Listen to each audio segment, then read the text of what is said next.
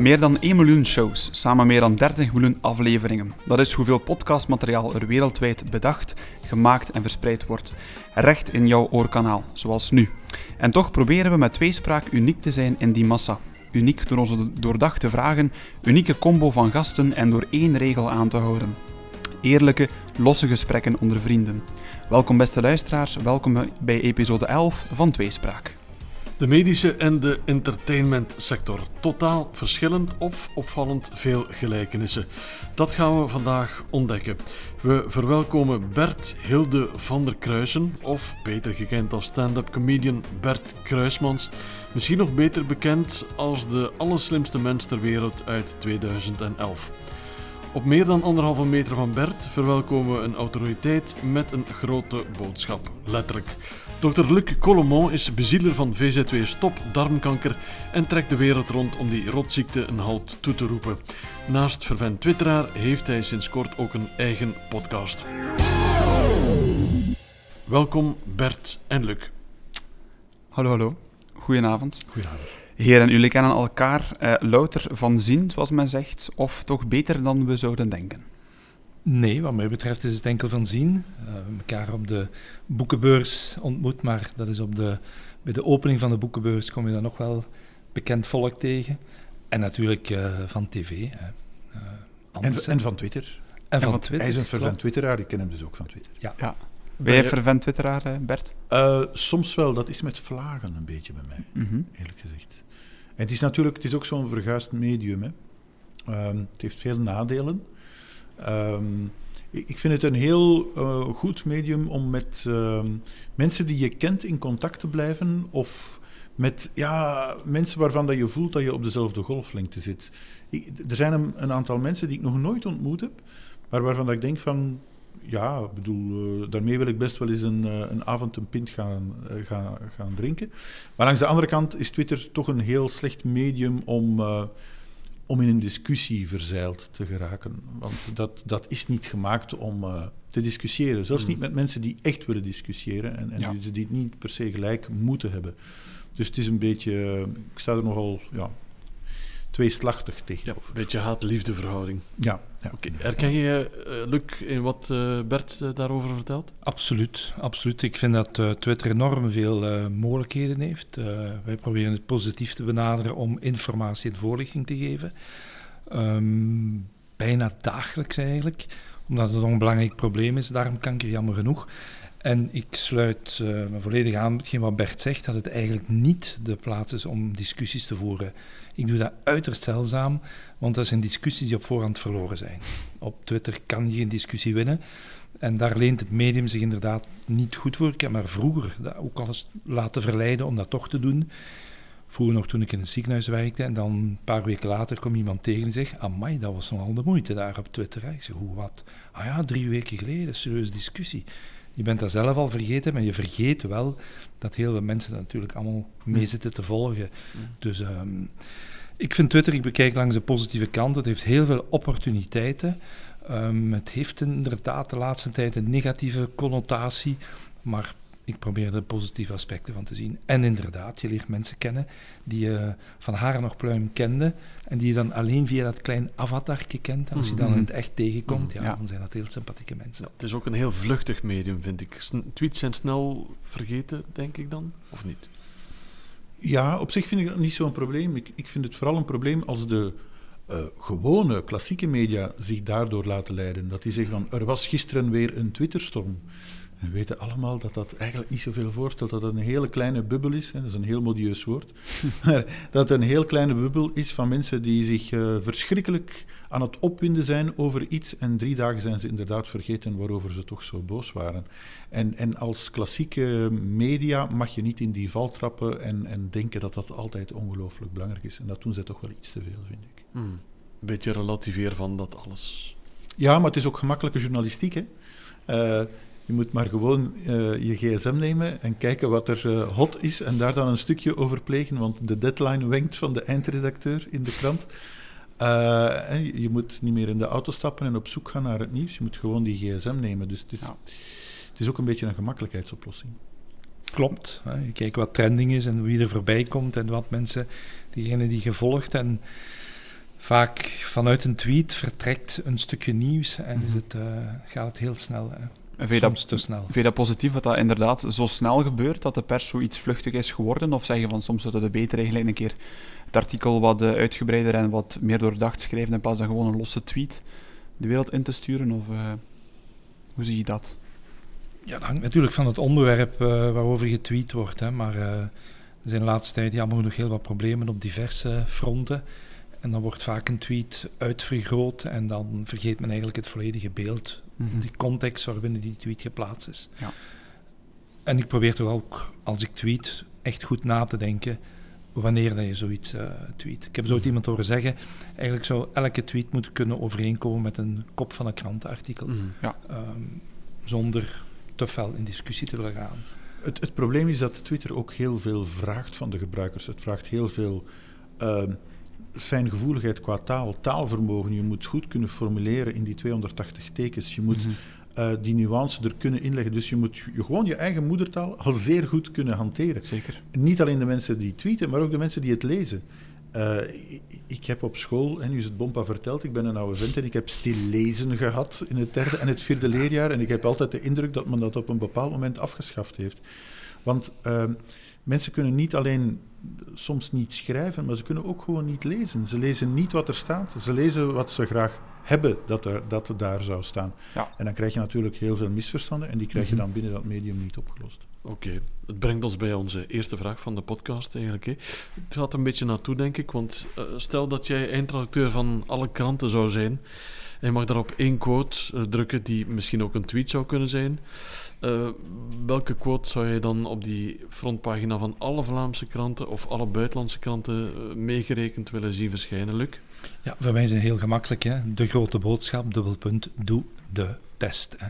In alle talen, in alle lettertypes. Dat zijn ehm, zes woorden. Hè? De Mhm. grote boodschap, doe de test. Daar zou ik heel gelukkig mee zijn. Ja, voor mensen die jou niet kennen, dan bedoel je natuurlijk het laten Ja. testen op kanker. Ja. De simpele test op eh, darmkanker, de poepsimpele test. Kijkers kunnen het niet zien, maar ik, eh, ik laat het toch even zien. Het is een heel gemakkelijk toestelletje. Men zegt soms de mascara-test. Je moet daar dus niet mee door je wimpers gaan. Dat is dus echt niet de bedoeling. Je moet dat wel degelijk in de stoelgang doen. Mhm. Wil je nadien nog eens door je wimpers gaan, is dat op je eigen verantwoordelijkheid. Dat is niet de bedoeling. Maar het is echt... eh, en waarom is het zo belangrijk? Omdat het levens kan redden, leed kan vermijden en kosten kan besparen. Elke dag krijgen er 10 Belgen te horen dat ze darmkanker hebben. 23, excuseer me. Elke dag 23. Mhm. Elke dag zijn er 10 begrafenissen van darmkanker. Elke dag, gisteren, vandaag en morgen. Dat vind ik veel te veel. Mhm. Ik heb eh, enkele weken geleden nog eens een blog geschreven met als titel: Dit is eigenlijk onaanvaardbaar. Dat in een land als België er nog elke dag 23 Belgen te horen krijgen dat ze darmkanker Mhm. hebben. Dat is veel te veel. Dat is een ziekte die men minstens de helft ervan door een eenvoudige test en vooral door informatie en voorlichting kan voorkomen. En ik ben er zeker van dat deze podcast minstens, minstens één darmkanker zal stoppen. En vind ik al de moeite geweest om hier aan deel te nemen. Absoluut, ja. Top. Is dat een kwestie van onwetendheid bij de bevolking, denk je? Absoluut, absoluut. Eh, ik geef heel veel lezingen binnen- en buitenland. En overal waar ik kom, denk ik dat de mensen het verhaal ondertussen wel kennen. Het verhaal van dat klein polypje en dat ze weten wat ze moeten doen. Maar elke avond zeg ik toch goed dat ik hier ben wij- voorbij Ja. gekomen. En we horen ook vaak mensen die zeggen, dankzij de test, dankzij uw lezing, dankzij dat artikel, dankzij de podcast, hebben ze bij ons op tijd leed kunnen vermijden, polypen weggenomen, darmkanker kunnen vroegtijdig vaststellen. En informatie en voorlichting, we hebben het juist gehad over Twitter, wij gebruiken alle sociale mediakanalen, Ehm, die zijn dankbaar, omdat je die dus zelf kunt sturen en die informatie en voorlichting kunt geven. Als ik het goed voor heb, dan krijgt ook, op zich ook elke Belg, als hij 50 wordt, een, een gratis test toegestuurd. Is dat iets dat op zich werkt in ons land, of worden er ook, is er daarop veel te weinig respons ook van vandaag? Wel, het is inderdaad zo dat wij voldoen sinds dit jaar aan de Europese richtlijnen. Hè, die zeggen dat dus eh, elke man en vrouw tussen de 50 en de 74 die test moet krijgen. Mhm. Die krijgt die. En dan zien we merkwaardige verschillen. In Vlaanderen is het zo dat 51,5% van de mensen die test doet. ehm, de mensen die snel kunnen rekenen, die weten dat dus 48,5% die niet doet. Hè. Dus het verhaal van het glas dat half vol en half leeg is. De helft doet het wel, de helft doet het niet. aan die 48,5% mensen die de test niet doet, Mm. heb ik maar één boodschap. Één grote boodschap. Mm. Drie woorden. Doe de test. Mm. En dan zien we, ik wil er geen communitaire problematiek van maken, maar dan zien we bijvoorbeeld in Wallonië, toch niet zo ver van hier, Mm. daar komt men amper aan 20%. Dan zien we bij onze noorderburen, onze noorderburen doet meer dan 70% van de mensen dat. En die zeggen waarschijnlijk, nou, het is een makkie, poepen een zakje, klaar is Kees. Het is nog gratis ook. Dat is natuurlijk erg kort door de bocht. Maar zo'n grote verschillen op Mm. zo korte afstanden, merkwaardig en informatie en voorlichting zijn daarin cruciaal volgens Mm. mij. Mhm. Bert, jij bent ook al boven de 50, je behoort tot de doelgroep Ja. eigenlijk van Luc. Eh, is dat iets wat jou zorgen baart, wat jou bezighoudt? Ehm, goh, wat mij bezighoudt, ik, ik, ik, ehm, ik ben kankerpatiënt. Mhm. Ehm, ik, eh, een, hoeveel jaar is het nu ondertussen geleden? Het is al een tijdje geleden hoor. eh, is er bij mij een kwaadaardig melanoom ontdekt. Dus eh, ik ben huidkankerpatiënt, maar dat is allemaal goed afgelopen. Ehm, ik bedoel, dat is, eh, men was er eigenlijk op tijd bij. Maar het is wel op het nippertje geweest, blijkbaar. Ehm, en en eh, dat is heel vreemd. Dan op een bepaald moment eh, ehm, ja, wordt die, dat, dat kwaadaardig wordt weggesneden en dan wordt dat op kweek gezet of zoiets. Ik, ik ken daar niks van, maar Lux eh, zal perfect kunnen volgen nu. En dan moet je een aantal dagen wachten om te weten van hè, wat, is, wat is het resultaat en eh, ja, krijg je rood licht of krijg je groen licht. En ik, ik herinner mij nog zeer goed dat ik toen eh, met mijn broer naar een, een concert van Paul McCartney ging in, in Liverpool, in het stadion van Liverpool. Wat toch wel een heel aparte sfeer gaf, want het was lang geleden dat McCartney nog had opgetreden in Liverpool. In zijn Liverpool, ja. en, en, en eh, Yoko Ono en de weduwe van George Harrison, die zaten op de eerste rij. En hij zegt dan van, ja, mannen, hoe is het hier met jullie? Ik ben hier geboren, hier eh, op het einde van de straat. En ik, nu ga ik een liedje zingen over een straat dat je misschien wel kent. En natuurlijk, duizenden mensen zingen mee. Penny Lane, enzovoort, enzovoort. Dus ik vond dat toch wel een vrij uniek moment. En ik, ik, ik zat zo te denken van, ja, eh, morgen kom ik terug in België en dan krijg ik de uitslag van die test. En eh, ik dacht eigenlijk vooral van, wat moet ik allemaal regelen? Ik moet met mijn boekhouder afspreken. Ik moet alles, alles regelen dat, dat mijn vrouw daar niet te veel last van heeft. Van heel die zakelijke kant van, van, van dat verhaal. Mm. En ik dacht ook tegelijkertijd, dit heb ik dan toch nog maar gehad. Dat concert van, van, van Paul McCartney. Dus ik, ik ben wel met die sterfelijkheid geconfronteerd Mhm. geweest. Die, die, maar het is allemaal goed afgelopen natuurlijk. Hè. Mhm. Maar, maar ja, soms is het, eh, in, mijn, in mijn geval was het een kwestie van een paar millimeter, hè, eh, letterlijk. Ja. Best, best beangstigend, eh, jouw verhaal zo. Ja, goed, maar dat is een verhaal dat veel mensen hebben, denk ik. Dat je zegt van, goed, ik, ik heb geluk gehad. En een andere heeft minder geluk, omdat, Mhm. die, omdat, die er, omdat ze er niet snel genoeg bij waren, omdat je er geen aandacht voor had, enzovoort, enzovoort. Dus, en inderdaad, preventie is natuurlijk het beste dat er is en is, eh, bespaart ook het meeste geld. Niet alleen het meeste menselijke ellende, maar ook het meeste geld. En, en, en, ik hou mij ook een beetje bezig met de verschillen tussen Vlaanderen en Wallonië. En het klopt dat preven- preventieve geneeskunde ook veel minder, eh, ja, hoe zou ik het zeggen, eh, veel minder trendy is in Wallonië dan, dan in Vlaanderen. Ik heb er ook niet meteen een, een verklaring voor, maar het is wel zo. Herken je dat ook, eh, Luc? Hetgeen eh, Bert zegt? Ja, ik zeg soms, eh, preventie is geen toverwoord. Hè. Het werkt. Hè. Mhm. We zien gelukkig, de cijfers die we nu zien, tonen aan dat er minder darmkankers zijn eh, dan voor de start van het bevolkingsonderzoek in oktober 2013. Dat men meer darmkankers in een vroege fase vindt. Dus dat is, eh, ik zou zeggen, fantastisch goed nieuws. Ehm, het is kostenbesparend. Darmkanker onder eh, bevolkingsonderzoek is veruit het meest kostenefficiënte.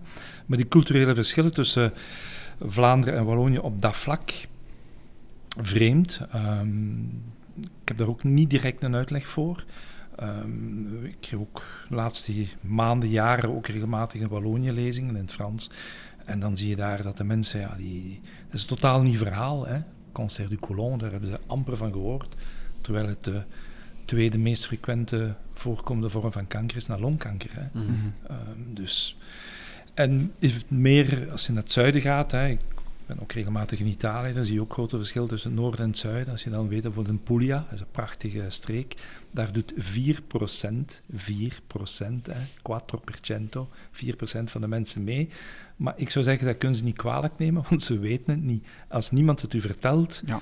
ja dan gaat het ook niet weten. Hè. Dus alles begint voor mij met informatie en voorlichting. Mhm. Ik heb onlangs in een andere podcast gezegd, als ik kennis heb die anderen niet hebben, en die kennis kan levens redden, leed vermijden en kosten besparen, maar dan is het mijn verdomde plicht van die kennis te delen. Absoluut, ja.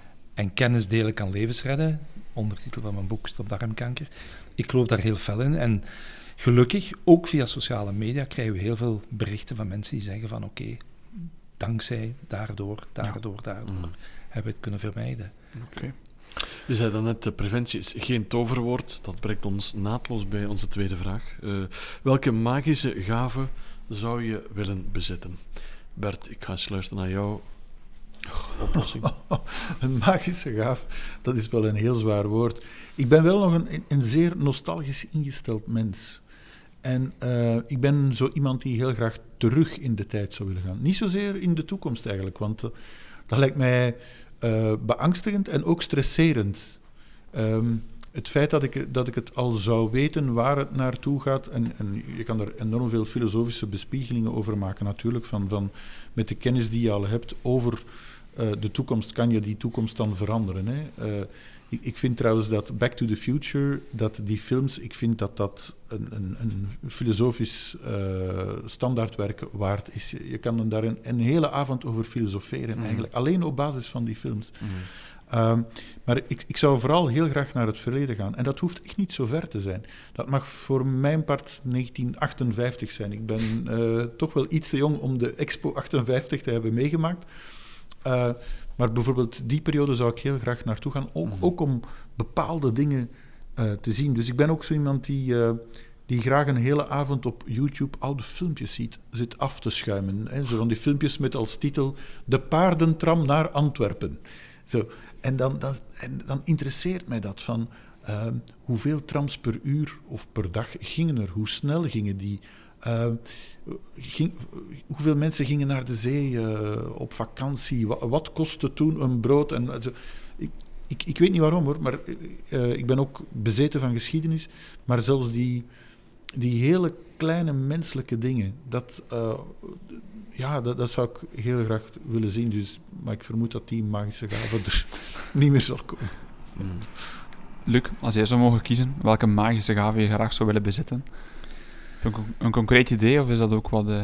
Ja, dat is ook uh, een heel moeilijke vraag. Je kunt er langs alle kanten op antwoorden. Ik zou van beroepshalve natuurlijk moeten zeggen, ja, het wondergeneesmiddel vinden dat alle kanker stopt, maar toch een ander onderwerp. En dan vind ik uh, Bert zijn benadering inderdaad wel, wel leuk. Uh, moest je op een knop kunnen duwen dat je zegt van 30, 40 jaar terug, jaren 60, um, heb ik toch heel wat herinneringen aan. En ik zou bijna zeggen, enkel goede herinneringen aan. Hè de maanlanding, het Eddie Merckx verhaal, um, onbezorgdheid. Hè. Ik denk dat er toen een periode van onbezorgdheid, je zit 14, 15, 16 jaar, um, er is alleen op woensdagnamiddag een onkel Bob, uh, er is alleen zwart-wit tv. Um, ja, eigenlijk was dat een hele mooie tijd. en ja, nostalgie is iets wat eigenlijk goed doet met een mens, denk ik. Dus allebei terugkeren in de tijd, een beetje. Ja, niet te ver, maar uh, die periode was college eigenlijk. eigenlijk. Examens, gewone examens, nog niet universiteit, maar mm. voetballen bij, bij Sporting Hasselt. Uh, gewoon leuk, mooie mm. tijd. Top. Doet het jullie dan ergens pijn dat de tijd zo snel voorbij gaat? Wel, daar heb ik uh, al vaak over gediscuteerd, maar de tijd gaat alsmaar sneller. Hè? En iedereen zegt dat, maar um, ja, dat is ook zo. Hè? Want uh, iemand van één jaar die twee jaar wordt, dat tweede jaar is 50% van zijn beleving. Iemand die 50 jaar is en die wordt 51, dat één jaar is maar 2% van zijn beleving. Mm -hmm. Dus het wordt alsmaar korter en korter. En het is, vandaag is het, uh, ja oké, okay, dinsdag. En voordat we het weten is het alweer uh, vrijdag en zaterdag, zondag. En is het alweer opnieuw maandag. En vroeger, ik herinner me die vakanties in de zomer in de jaren 60, die waren die maand juli, augustus, daar kwam geen einde aan. Je had de eerste ronde van Frankrijk drie weken, en dan mocht je nog op scoutskamp gaan, en dan waren er nog weken, en dan was het pas 1 september. Ja. En nu is die vakantie, ja, voor je het weet, is het, is het kerstmis, hè? Ja, ja. ja ik, heb, ik heb hetzelfde gevoel. Uh, ik, ik, ik ben al een, een, paar jaar de 50 voorbij, maar nu ongeveer begin ik daar aan te wennen. Uh, dat ik, dat, dat, kan toch niet dat ik 50 ben? Dat kan toch gewoon. Natuurlijk, mensen, mensen worden ook jonger en jonger. Hè. Ik bedoel, in, in, in die zin dat uh, vroeger mensen van 65, die waren kapot gewerkt. Hè. Mijn mm. grootvader die was kapot gewerkt. Dat waren mensen die, die, als die nog hun tanden hadden, dan stonden die in een potje naast hun bed, s'nachts. Ik bedoel, ja, de gezondheid van de mensen, van de, uh, de generaties die twee wereldoorlogen hadden meegemaakt, was natuurlijk veel slechter dan, dan nu. nu. Nu heb je mensen van, van in de 60 die marathons en zelfs triathlons lopen.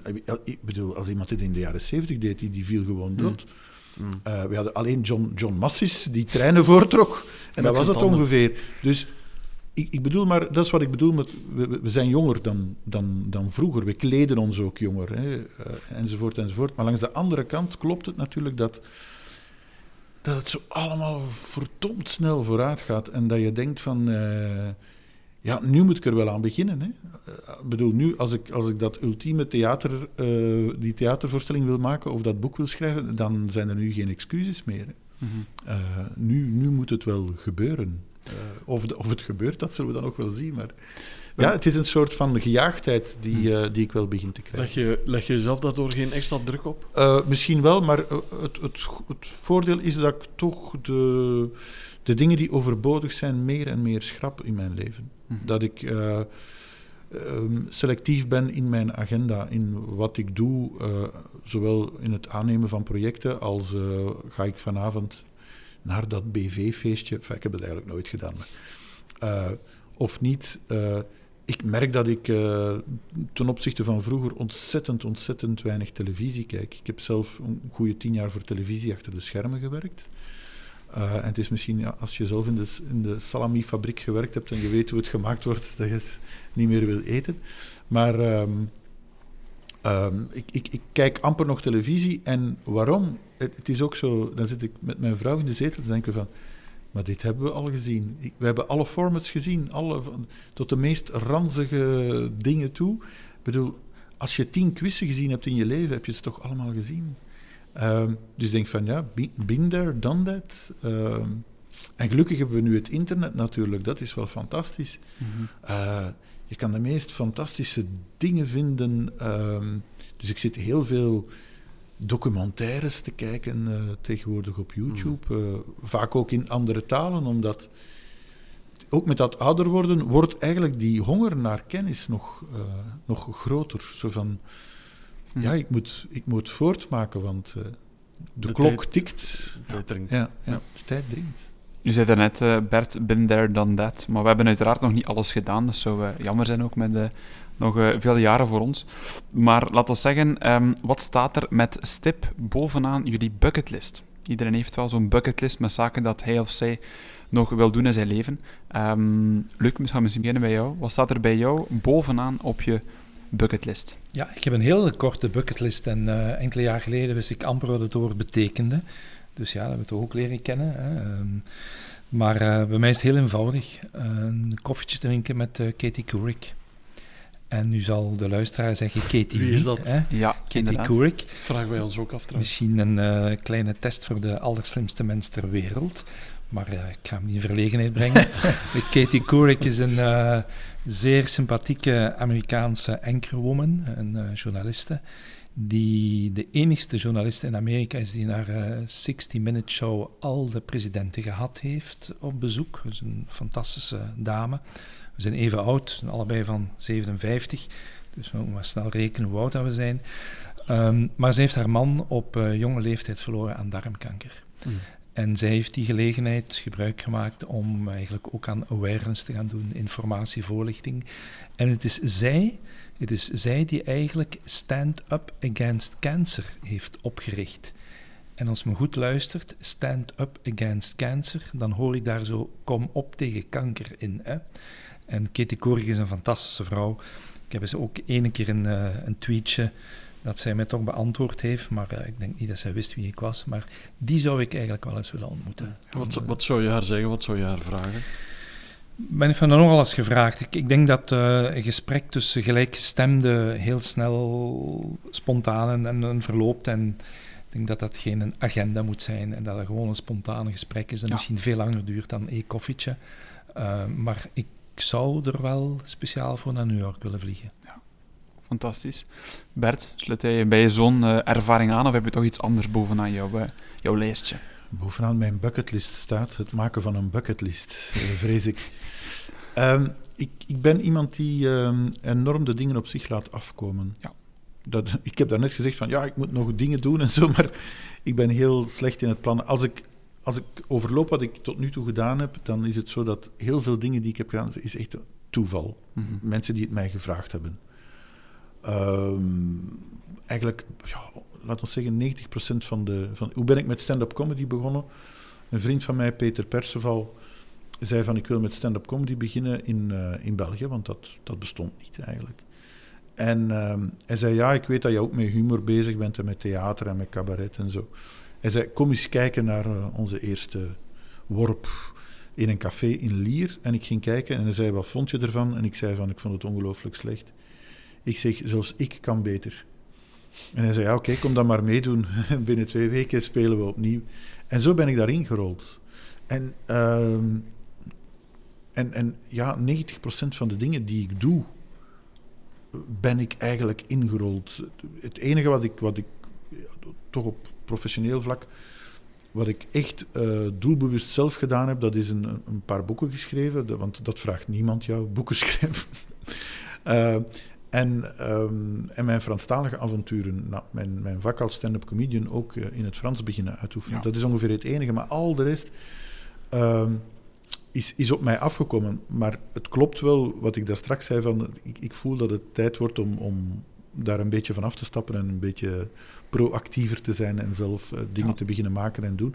Maar het probleem is dat ik ook heel veel verschillende dingen wil doen. Ik Mhm. ben een beetje jaloers op Luc die zegt van ja, die krantenkop, heel eenvoudig, doe de test. Hij heeft een heel duidelijk doel in zijn leven. Terwijl ik ben op maandag met dit bezig, op dinsdag...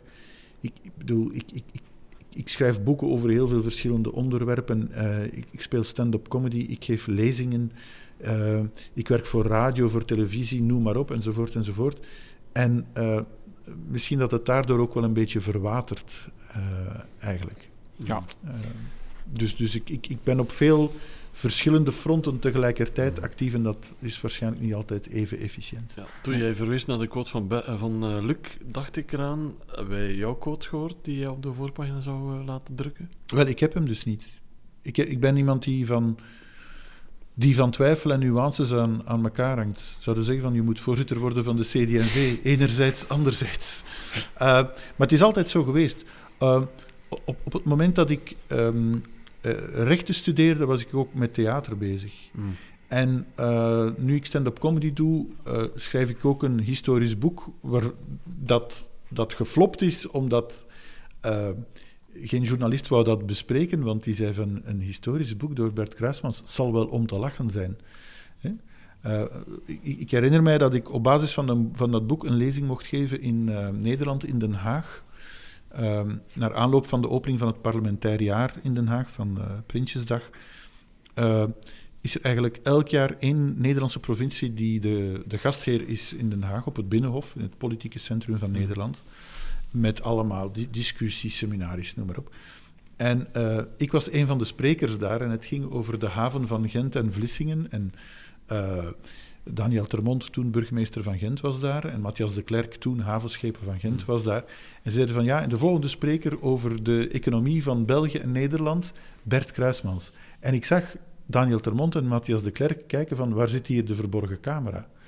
Want het is toch onmogelijk dat meneer Kruismans een economische lezing komt geven over de havensamenwerking tussen, tussen België en Nederland. Maar dat is, een, dat is een aspect. Voor mij is dat allemaal heel normaal. In mijn wonderlijke hoofd is dat heel logisch. Maar voor de buitenwereld is dat heel vreemd. Dat je zoveel verschillende dingen doet. En ja, en, en, ja, ja de pers zeker stoppen je graag in een vakje. En, en stop je niet graag in vier verschillende vakjes. En hoe erg vind je dat dan zelf dat men jou louter ziet als comedian en niet als eh, historicus of uh, journalist? Op, op, zich, op zich begrijp ik dat. Dat is niet alleen met mij dat dat zo gebeurt. Er zijn een paar mensen die, die, daar, die, die in heel veel verschillende vakjes mogen zitten. Uh, in Vlaanderen is dat bijvoorbeeld Bart Peters, die, kan, die, die mag dat. dat die, die, ik, ik ken Bart, ja, ik heb ook met Bart samengewerkt. Ik was ooit nieuwslezer in het Leugenpaleis op Studio Brussel. Dus uh, oh. nu spreek ik over 30 jaar geleden. Dat was mijn eerste job uh, toen ik bij Studio Brussel werkte. En ik heb ook met Bart uh, voor televisie samen, samengewerkt, achter de schermen, aan zijn programma's meegewerkt. Dus ik, ik, ik, volg zijn parcours wel een beetje. En hij mag dat en hij, hij, hij kan dat. Dat komt ook omdat die man ongelooflijk veel talenten heeft, natuurlijk. maar goed, misschien schrijft Tom Bodem morgen wel een fantastische roman. Uh, we weten dat niet. Nee. BV's laten hun boeken vaak schrijven. Maar het is niet omdat je BV bent dat je plotseling niet de gave zou hebben om uh, goed ter penne te zijn, dat je niet zou ja. kunnen schrijven. Uh, maar dat is voor veel mensen is dat moeilijk, blijkbaar. Je zei daarnet, uh, Bert, uh, de buitenwereld die het anders ziet. Er zijn soms ook zaken die de buitenwereld misschien niet weet of minder weet. En een van die zaken is misschien een guilty pleasure. Iedereen heeft sowieso een guilty pleasure, iets waar je jezelf misschien schuldig of minder schuldig over voelt, dat niet veel mensen weten. Luc, wat zou, jij, uh, wat zou jou liever jouw guilty pleasure zijn? Ja, dat was gelijk die bucketlist. Dat was ook zo'n woord dat ik guilty pleasure. Ik zeg, dat nog eens nog een keer gevraagd. Ja, en iedereen heeft zo van die verborgen trekjes. Uh, boys en toys. Hè. Mm -hmm. um, ik heb een, een voorliefde voor uh, Italiaanse wagens. En um, ik heb ook een, van die klein dinky toytjes, gelijk men dat zegt. Hè, van die mm. schaalmodellen, die 1,43, die kleine autootjes. En ik heb daar een verzameling van die behoorlijk uit de hand gelopen is. Um, die in verschillende vitrines staat. En als ik daar zo weer eens iets nieuws vind op een beurs of via tegenwoordig via internet, dan kan ik daar eigenlijk toch wel heel wat plezier aan beleven. Mm. Italiaanse wagens, het summum denk ik dan is de Ferrari, of is dat bij jou anders? Um, Ferrari, Maserati, Lamborghini, uh, heel, heel, uh, ook een heel rijke geschiedenis. Alfa Romeo heeft een bijzonder rijke geschiedenis en dat zich ook in de schaalmodellen uit. Want die hebben van een vuilkar in uh, 1940 tot uh, Formule 1, tot uh, alle mogelijke prototypes gemaakt. Het is een heel, heel mooi merk om in miniatuur, letterlijk en figuurlijk in miniatuur, te verzamelen. Mm. Oké. Okay. Bert, heb jij zo'n guilty pleasure? Dat kan ook iets om te eten zijn of eender wat, of je zegt van... Maar als je een, een, echte, echte guilty pleasure hebt, dan ga ik die hier natuurlijk niet verklappen. Hè? Ik bedoel, anders, ja, anders is het geen guilty pleasure, denk ik dan. Mm -hmm.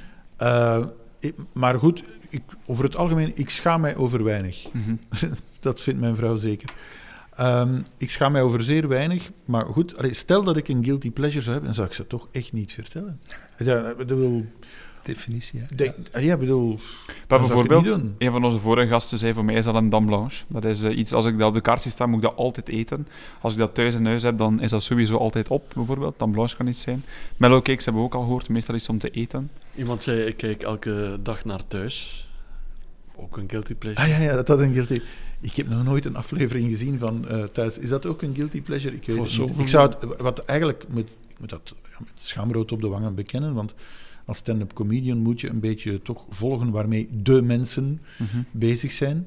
En uh, sommige mensen zijn bezig met het lezen van Leviathan van Thomas Hobbes, maar er zijn ook mensen die bezig zijn met het kijken naar thuis. Dus ik zou het eigenlijk voor mijn vak wel moeten doen. Dus dat is dan misschien mijn guilty pleasure, niet naar, uh, niet naar thuis kijken. Maar ik moet wel zeggen, ik, heb, ik moet opletten, ik, ik, ik denk dat ik een hang naar verslaving heb. En dat kan op veel veel verschillende domeinen. Dus ik moet er bijvoorbeeld computerspelletjes.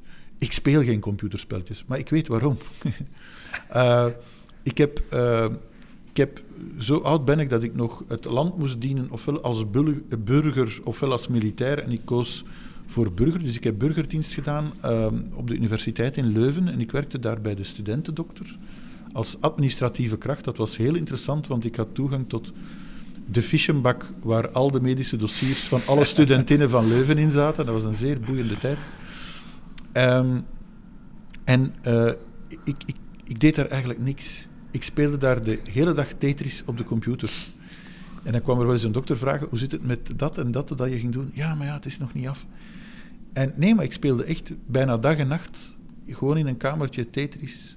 En dat was mijn leven. Ehm, en en, en ik, heb, ik heb ook een zekere verzamelwoede waar ik moet voor opletten. Ik heb uh, eh, 15 jaar geleden aan mijn vrouw verteld dat, uh, dat, binnen, binnen, ja, dat ongeveer rond deze tijd dat er vijf motorfietsen in onze garage zouden staan. En ze dacht dat dat om te lachen was. En ik, ik, ik, zit nog maar op twee, dus uh, ik moet die bucketlist nog afwerken. Bijna, nog. bijna half vijf. Maar ik ben nu stil, stilaan naar exemplaar nummer drie te kijken. Ja. Uh, het is eigenlijk omdat ik geen plaats heb om ze te zetten dat, dat ik bij twee blijf. Dus ik, ik, nee, maar ik moet echt opletten met, met verslavingen. En uh, kijk, als jullie graag een guilty pleasure hebben, voilà. daar is ik, ik vond die Tetris wel. Uh, ja, ik vond op zich een verslaving is meestal sowieso een guilty pleasure. Dus op zich vind ik dat wel uh, een oké. Okay maar ik ben er al lang vanaf, zonder ja. therapie te volgen of zo. Ik ben er gewoon vanaf geraakt. Mm -hmm. Top. En begrijp je dat ook volwassenen daar echt kunnen aan verslaafd raken? Want veel mensen denken dat het alleen jonge mensen zijn, maar... Ah, er is onderzoek naar gedaan dat... Uh, een dokter onder ons zal mij tegenspreken als het niet klopt, maar dat gewoon bepaalde mensen een aanleg hebben voor, uh, voor verslavingen. En dat kan zich dan op heel veel verschillende manieren uit een vrij, vrij onschuldige manier... Uh, ik bedoel, allerlei feitjes uit het hoofd leren om deel te nemen aan quizzen is misschien ook een verslaving. Voor alle duidelijkheid, dat heb ik nooit gedaan. Maar dat is dan een minder onschuldige verslaving natuurlijk dan, dan, dan, dan tabak of alcohol uh, of iets anders. Maar uh, ja, kijk naar de dokter onder ons. Naar het schijnt bestaat er een soort verslavingsgen dat ervoor zorgt dat sommige mensen daar meer vatbaar, vatbaar voor zijn dan anderen. Ja, ik denk dat er jammer genoeg zo heel wat zijn. Hè. En Misschien is de, de ziekte die ik heb uh, niet zo erg. Hè? Dus uh, kleine alfarometjes verzamelen. Maar mensen die gokverslaafd zijn, die drankverslaafd zijn, die, dat, zijn, dat kan tot zeer ernstige dingen leiden. Hè? Maar mm. ik denk dat iedereen van ons... Ik heb ook eens een heel leuk boek gelezen over de psychology of collecting. Waarom verzamelt iemand? En daar zijn dan verschillende redenen voor, maar uh, we hebben nooit een premier gehad die allemaal hanen verzamelde. Hè. En er zijn nog mensen die ja, verzamelen. Waarom verzamelt? Hoe begint dat? Dat is eigenlijk wel boeiend, maar dat is dan zeker uh, genetisch wel ergens een trekje. Hè. Men noemt dat dan ook vaak. Hè. Dat is een trekje dat de mensen hebben. Hè. Uh, er zal wel een genetisch uh, en meerdere genetische afwijkingen zijn die ervoor zorgen dat iemand dat juist wel of juist niet doet. Ja, maar het en het ook, die... kan, ook kan onder controle houden. Want op zich verzamelen als het maar geen verzamelwoede wordt, hè, met dan de nadruk op woede. Maar het verzamelen van die wagentjes heb je nog steeds onder controle, toch?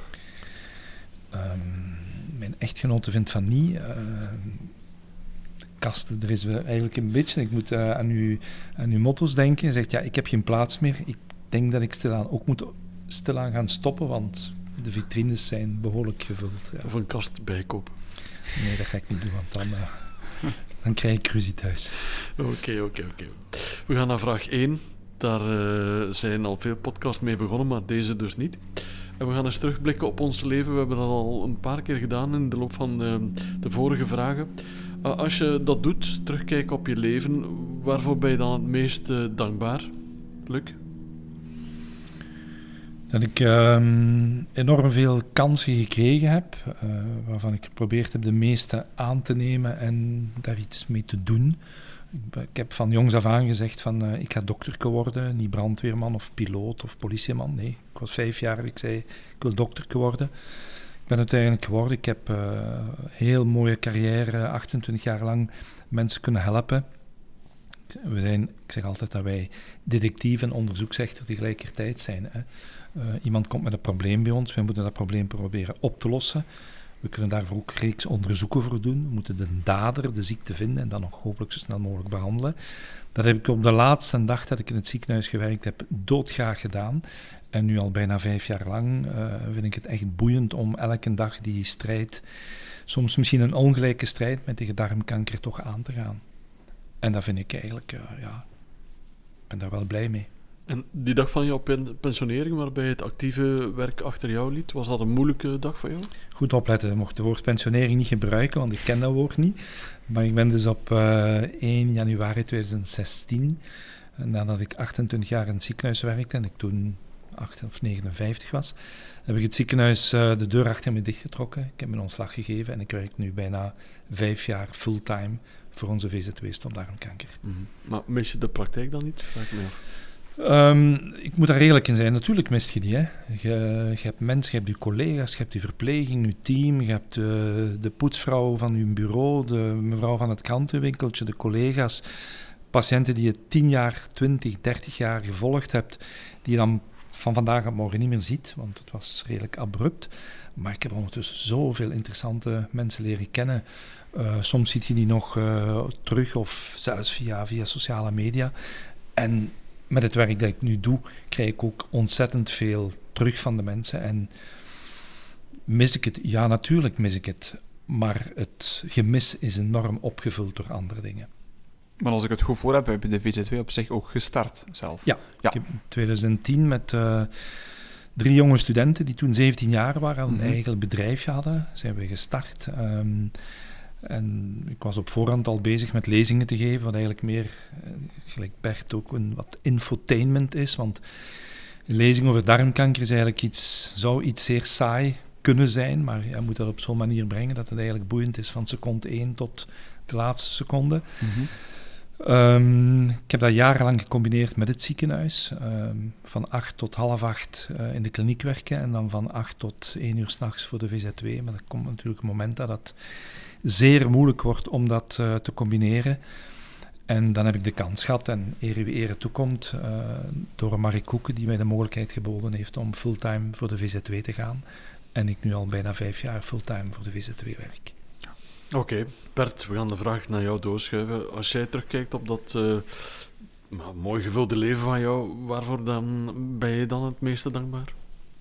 Uh, voor de plek waar ik geboren ben en het tijdstip waarop ik geboren ben. Dat is niet om, om vier uur, uh, heeft men mij later verteld, op, op een zondag.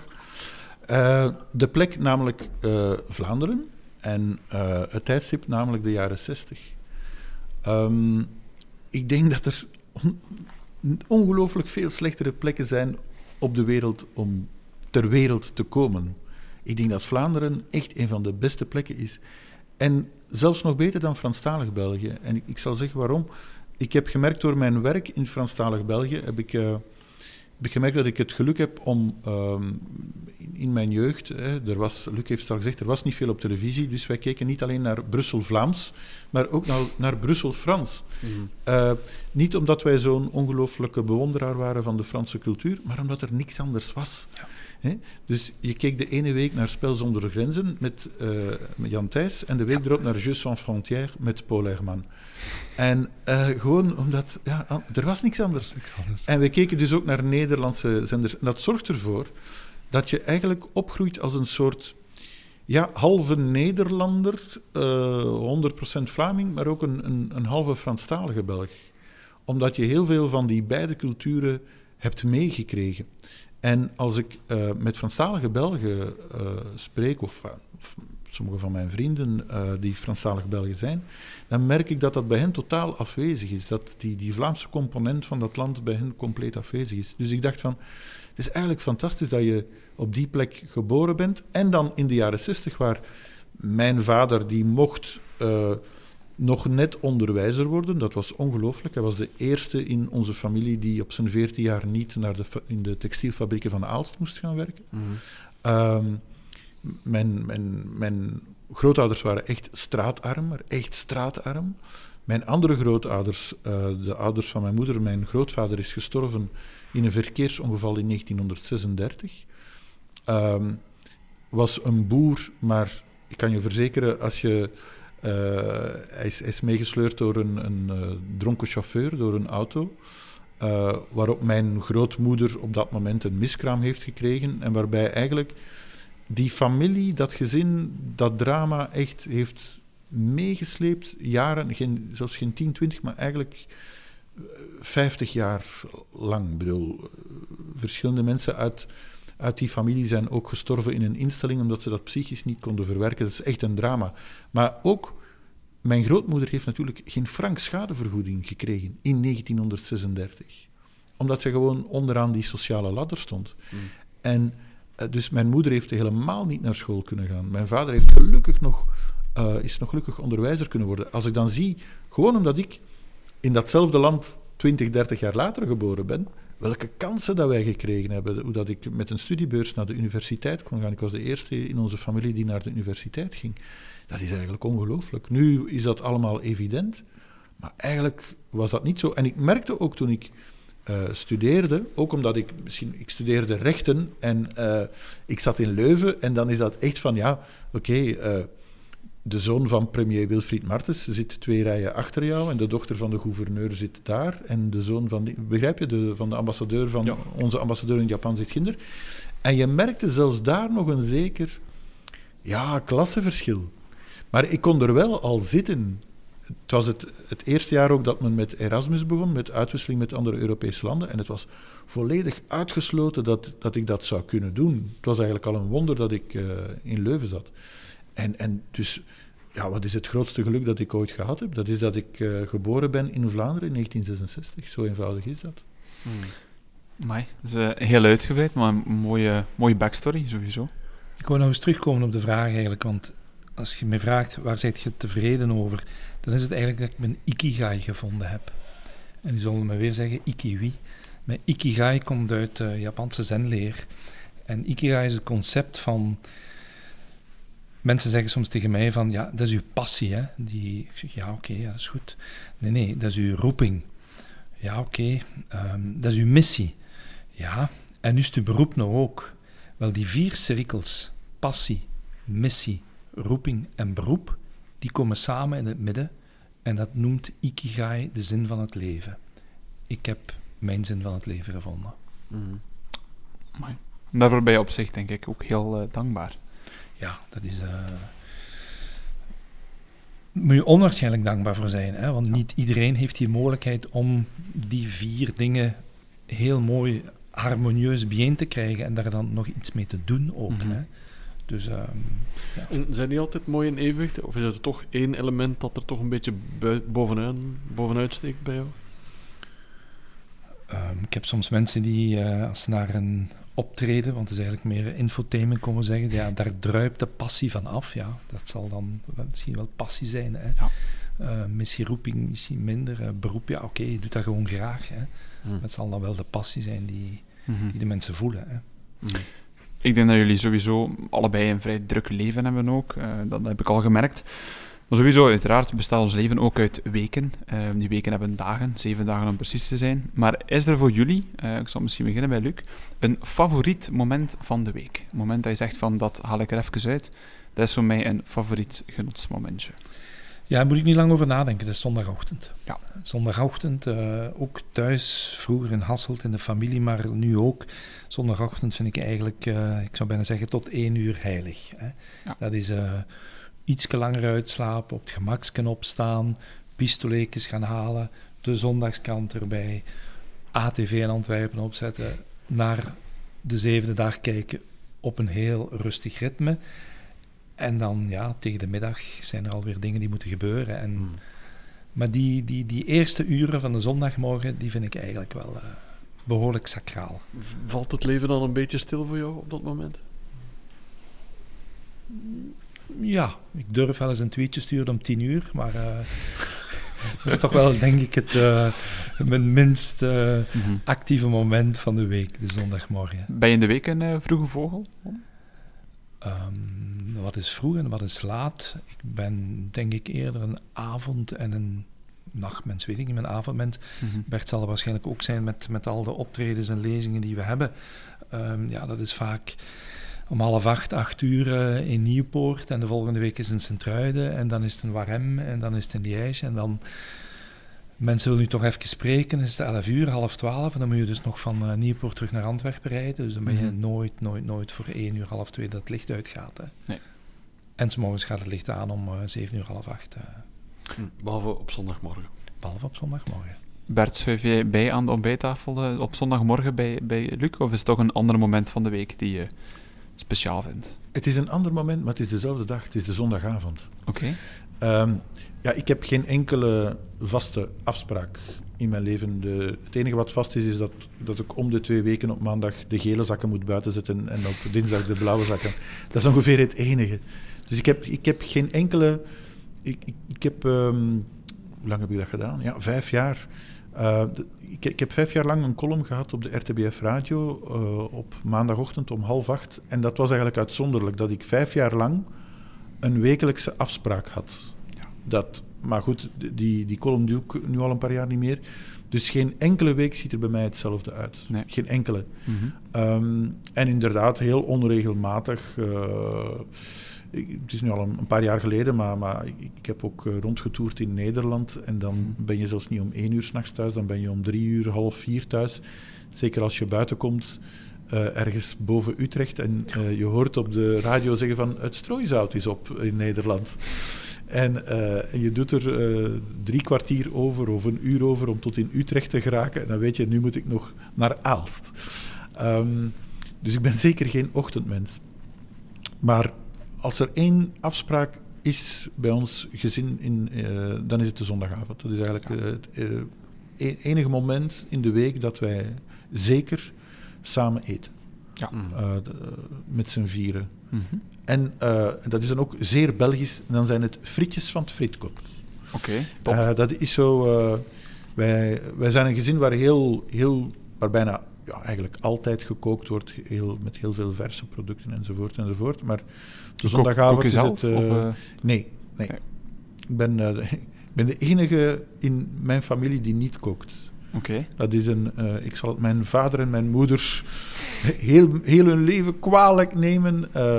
Ik was te klein. Zo, ik, ik, ik was de derde in het gezin en mijn broer en mijn zus die mochten alles en die mochten meehelpen brood bakken. En ik was altijd die kleine die, die in de weg liep en die het niet kon. Dus het is hun fout, Ja. zeg ik tegen mijn vrouw. Maar het is, die zondagavond, dat is eigenlijk het enige moment. Mhm. Je zei daarnet dat de enige afspraak die je hebt, is, zijn, dat zijn de vuilzakken buiten zetten Ja. op maandag en dinsdag. Geeft je dat rust of onrust, het feit Ik dat kijk je er naar zo- uit, naar het buitenzetten van mijn vuil. Die Nee, nee, maar geeft je dat rust of onrust, het feit dat je inderdaad weinig echt eh, afspraken moet naleven en, en nakomen? Ja, ik heb heel veel afspraken, maar dat is elke keer weer anders. Dat is elke week anders. Dat is, Ehm, ik, ik, weet, ik heb het nooit anders gekend. Mijn, mijn eerste job was bij de radio, op de redactie van Studio Brussel. En wij kregen ons werkrooster per drie weken.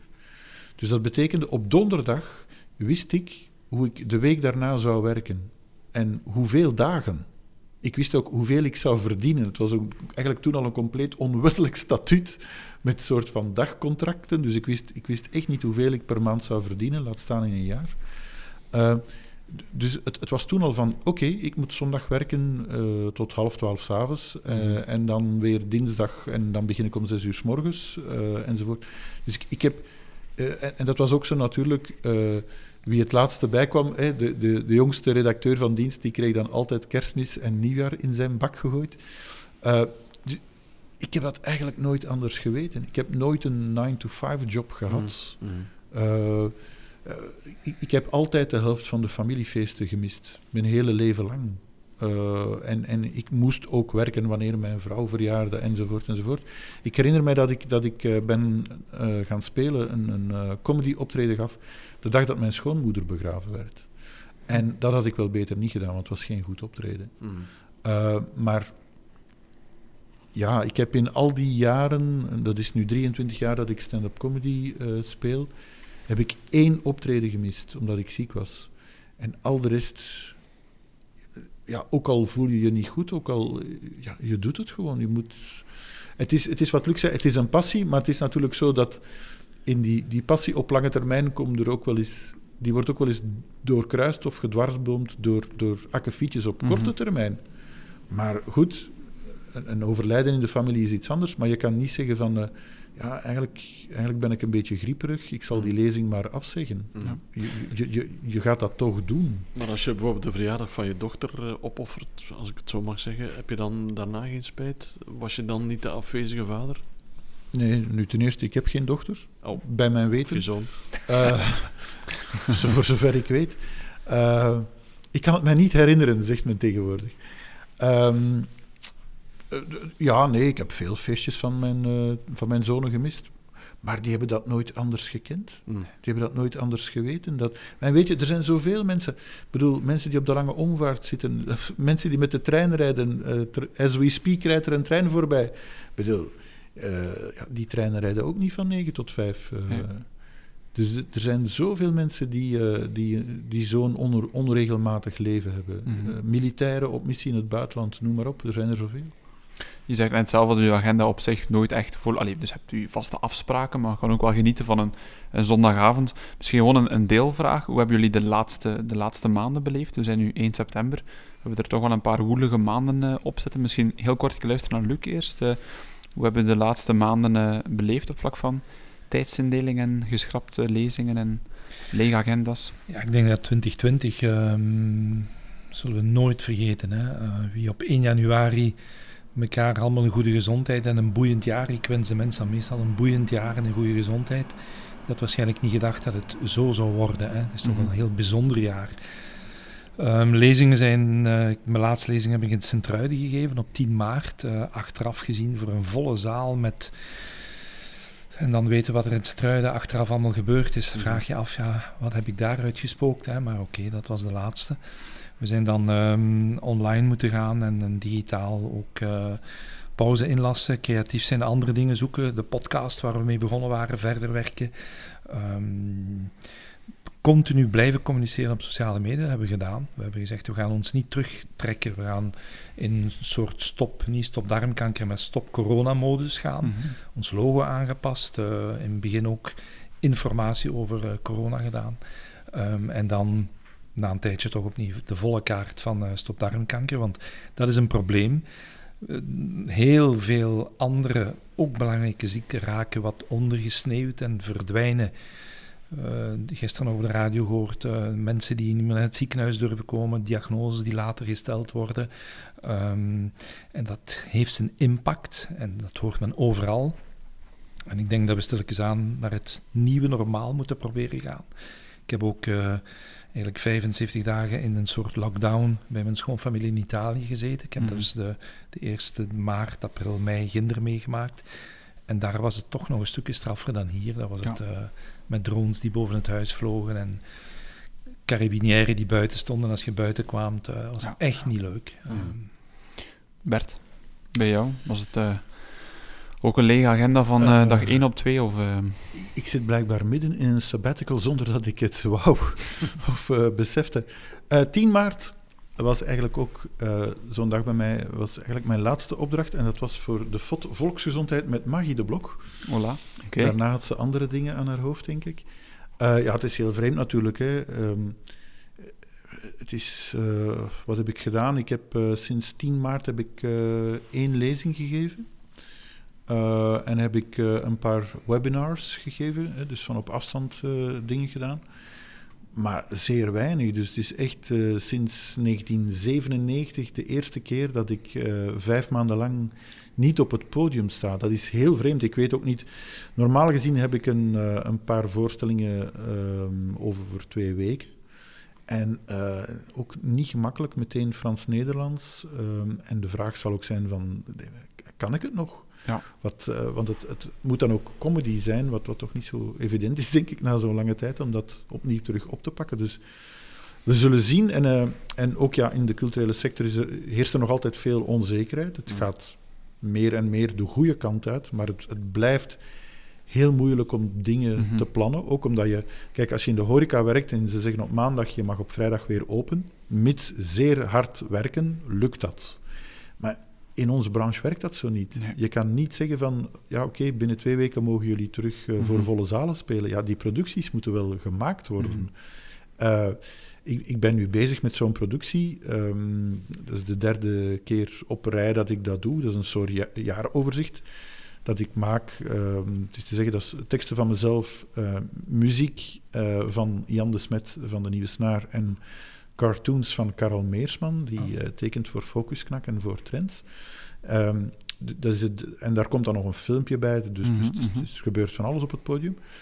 Ehm, wij hebben morgen daarover vergadering van, ja, kunnen we dat maken? Ja. Eh, je moet, is het de moeite om, dat te beginnen, om daaraan te beginnen schrijven, eraan te beginnen werken? Ja, want is je zegt jaaroverzicht, waarschijnlijk ja, sowieso. Een helft van het jaar is uiteindelijk eigenlijk al een, een voorgesteld onderwerp. Uh, ja, ja, ja. Of, of is het op zich moeilijk om zo'n onderwerp nu al te bespreken in een nee, dat, dat is het probleem niet. Ik heb 50 bladzijden notities liggen. Ja. Uh, dus ik heb wel wat uh, afgepend. Hmm. De vraag is gewoon, kunnen we het wel spelen? Ja. bedoel, of gaan we, gaan we voor 25 euro uh, per man uh, de deur uit. Ja. Uh, mm. Waar dat we niet eens onze brandstof kunnen betalen. Mm. En dat is zeer onduidelijk. Dat is zeer onduidelijk. Dus je, je, je, je wil werken, maar, maar, maar ja, het, het kan niet. Nee, je nee. weet niet wat er op je afkomt. Dat is, ja. is wel zeer frustrerend. Ja. Luc, kan jij duidelijkheid scheppen? Want je bent in jouw tweets heel duidelijk over die tweede golf. Die is er gewoon niet, zeg je nu. Die regelgeving over het aantal mensen dat naar de theater- en uh, comedyvoorstellingen kan, is een beetje te streng. Dat is heel moeilijk. Ik heb inderdaad vanmorgen uh, een tweet gestuurd waar heel veel reactie op gekomen is. Dat we eigenlijk spreken over iets wat er nooit geweest is. Hè. Een tweede golf, dus een eerste golf geweest. Zeer ernstig overal. Maar die tweede golf, als je kijkt naar de ziekenhuisopnames, de mensen die op de intensieve zorg liggen, de mensen die beademd moeten worden, dan is er geen tweede golf geweest. Nu, het is iets wat ons overkomen is en iedereen heeft fouten gemaakt. Ik zal ook fouten gemaakt hebben. Het is niet gemakkelijk geweest. Waarom? Omdat we echt met een totaal, totaal, totaal, totaal nieuw virus te maken hebben. Waar we eigenlijk niks van wisten. En nog altijd weinig van weten. En dan heeft men plots een hele, de media hebben een hele doos van experten opengetrokken. En die zijn die experten, experten. Maar men maakt één fout, en ik heb dat onlangs ook in een blog geschreven, Brouw komt naar de zonde. Dat die experten zijn expert in hun domein, perfect. Maar die passen hun expertise van die domeinen toe op het coronavirus. En dat is nu net wat het coronavirus ons, sorry dat ik het zo zeg, gelapt heeft. Het is zo nieuw dat niemand, er is nog geen corona-expert. Misschien binnen twee, drie, vier, vijf jaar, dan zullen we zeggen, ja, wat is dit moeten doen, wat we dat moeten doen. Nu wordt Zweden vergeleken met België, wordt dit en dat vergeleken. Men heeft bepaalde maatregelen moeten nemen. En de slinger zal af en toe wel een keer uh, te fel in de ene richting en dan weer in de andere richting. Uh, mm. Maar de basisprincipes van uh, handen wassen, mondmasker, mm. openbare ruimte, veel volk en uh, afstand houden, ja, die zullen we toch nog even moeten hanteren. Ja, ik ga toch nog eens terug. Vind je dat de culturele sector te hard geviseerd is op dat vlak? Goh, wie ben ik om dat... Uh, ik, ik, zeg, ik ben een expert in darmkanker. En uh, zeker niet een coronavirus. Als ik, als ik het nu na zes maanden moet beoordelen, ja, dan zijn er wel een paar gekke dingen. Hè. Um, ik heb eergisteravond uh, in een bijna vol vliegtuig teruggevlogen van Italië met een mondmasker en met, met 120 mensen aan boord. En dat is dan eigenlijk in een, in een lange kleine sigaar die op 10.000 meter hoogte hangt. En zou je dus niet in een theaterzaal met stoel tussen, dat zou niet mogen. Ja. Uh, dus... Maar dat is niet helemaal consequent, zeg je nu. Ik denk Gemakkelijk gewoon, om kritiek te geven, maar het is. Um, ja, ik denk dat het gewoon onder de radar bleef. Dat, dat men het niet belangrijk vond, dat men geen belangrijke sector vond. En dan is die sector beginnen lobbyen, want dat was ook nodig, en beginnen informatie geven.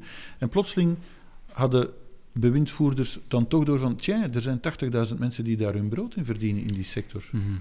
Dat zijn natuurlijk allemaal kleine zelfstandigen. Dat, dat is niet één groot bedrijf zoals Brussels Airlines. Uh, onze minister van Cultuur die, die, die zei onlangs in een interview, ja, maar ja, uh, ze hebben toch hun subsidies. Ja, nee, 90, 95 procent van die sector, dat zijn, zoals ik, dat zijn gewoon kleine zelfstandigen die een factuur sturen. Uh, zo eenvoudig is mm -hmm. dat. Dus ik denk dat onze, uh, de mensen aan het roer de sector gewoon heel slecht kennen. kennen. Ja. En dat er, dat, dat, ze, zijn, ze zijn die sector gewoon vergeten.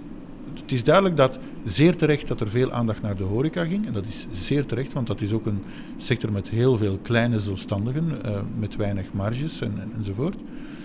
Maar men is die, die cultuur- en evenementensector echt heel eenvoudig vergeten. En, en, en nu begint dat. En ik moet zeggen, de aandacht was er eerst in Franstalig België, waar men trouwens een fulltime minister van cultuur heeft, uh, voordat die aandacht er ook in Vlaanderen was. En als er een sector is die draaiboeken heeft, dan zijn het wel de eventmensen. Hè? Die, die, die, die, hebben, die, die weten zeer goed wat veiligheid is. Die, die, die, die draaiboeken die, die moeten maar gewoon niet uit de kast pakken. Tegenwoordig is gewoon downloaden. Um, en wat men ook vaak waarschijnlijk toch vergeten heeft, dat als uh, Bert een lezing geeft, als ik een optreden geef, of vice versa, dan zijn wij niet alleen daar. Hè. Dan mhm. is daar de geluidman, dan is daar de muziek, daar is de, degene die... Van de belichting. De belichting, er komt heel veel bekijken. En dat zijn inderdaad allemaal mensen die ja, ook hun werk kwijt mhm. zijn. Hè. In Italië zijn er ook uh, dramatische toestanden, hier ook. En ja, The Sound of Silence, mm. actie die nu onlangs... Maar, maar vergeten, ja, ja, waarschijnlijk vergeten in het begin. Als we het dan even over, over sound uh, hebben, en dan, laten we zeggen, mochten ze 2020 verfilmen, wordt het op één, denk ik, een heel enge film. Ook een groot deel over, uh, over het virus. Maar stel nu dat ze jullie leven uh, verfilmen. Stel dat ze een film maken van het leven van Bert en Luc. Apart, uiteraard.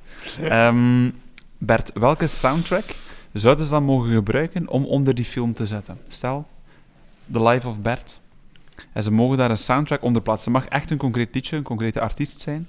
Dat is pas echt een heel moeilijke vraag. Ik, verschillende songs zijn. Of een genre. Maar natuurlijk gaat nooit iemand mijn leven verfilmen. Het wordt nog geen tekenfilm van vier minuten. Stel. Ik bedoel, ja, ik, ik kan eigenlijk niet, niet uh, op, op die vraag antwoorden. Nee. Tenzij dat je zegt, the life of Bert, ja, always look on the bright side of life. Ik bedoel, dat, dat, dat is wel zo ja, natuurlijk. Je moet... Um, ja, je mag niet moedeloos worden. Dus, dus uh, humor, humor is, een, is een zeer sterk wapen. Hè. Humor is... Uh, dat, dat, daar zijn ook verschillende studies over dat, dat humor een sterk wapen kan zijn in een relatie om, om spanning te ontmijnen. Om, uh, vooral denk ik omdat goede humor is zelfrelativering. Uh, goede humor is humor die niet alleen, maar ook gaat over, over degene die, die de humor pleegt. Uh, humor is een goede manier om te communiceren. Luc zei het ook al van die lezingen mogen niet saai zijn. Dat, daar zit ook een stuk entertainment in. En, en dat is ook zo. Uh, er zijn ook mensen die mij vragen van... Uh, ah, ga jij niet in de politiek of zo? En ik van ja, kijk, ik kan, ik kan in de politiek gaan en dan in het beste geval, ergens in een achterafzaaltje, komt er misschien komt er misschien, laat ons positief zijn, 60 mensen naar mij luisteren, waarvan er 55 eigenlijk al overtuigd zijn. Uh, met humor kan je echt grote aantallen bereiken en uh, kan je ook dingen vertellen die ergens over gaan. Alleen is het, is het mooi verpakt. Dus, um, en, en als, het, als het dan een film moet zijn, laat het dan ook een, een goede, goede humoristische film zijn. Ja. Want in humor wordt er heel veel slechte dingen gemaakt, omdat ik, humor zelf nogal moeilijk vind mm -hmm. om te maken. Maar er, uh, laat het dan een goede humoristische mm. film En dan zijn we natuurlijk geneigd om te, te vragen, geef ze een paar voorbeelden van die goede humoristische films uh, die reeds gemaakt zijn. Uh, ja, ik moet lang teruggaan. Namelijk Billy Wilder bijvoorbeeld was een regisseur die, die echt hele goede dingen maakte. Die met een Duitse achtergrond uh, ook weer een Joodse achtergrond. Ik bedoel, de, de, de, Joodse cultuur is ook enorm rijk aan humor. Um, die naar Amerika gegaan is, een grote regisseur geworden is in, uh, in Hollywood. Met mensen zoals uh, Jack Lemmon, Tony Curtis, Walter Matthau, Marilyn Monroe gewerkt heeft, Irma La Douce, Some Like It Hot, andere films. Dat zijn, dat zijn echt want je hebt nu humoristische films en die, die worden gemaakt voor, eigenlijk voor het niveau van mensen van 12 jaar. Ja. Dat zijn vaak de humoristische films. Popcorn generatie, ja. ja. Uh, terwijl vroeger had je echt hele, hele goede, intelligente uh, humoristische films. Die, en, en die zich baseerden ook op, op de, de, de rijkdom aan, aan verhalen, aan Europese verhalen, mm -hmm. aan mhm. mythes uh, die zij meenamen in hun uh, cultuur, zoals, zoals in, de, in de jazz, nog zo'n Joods uh, genre trouwens.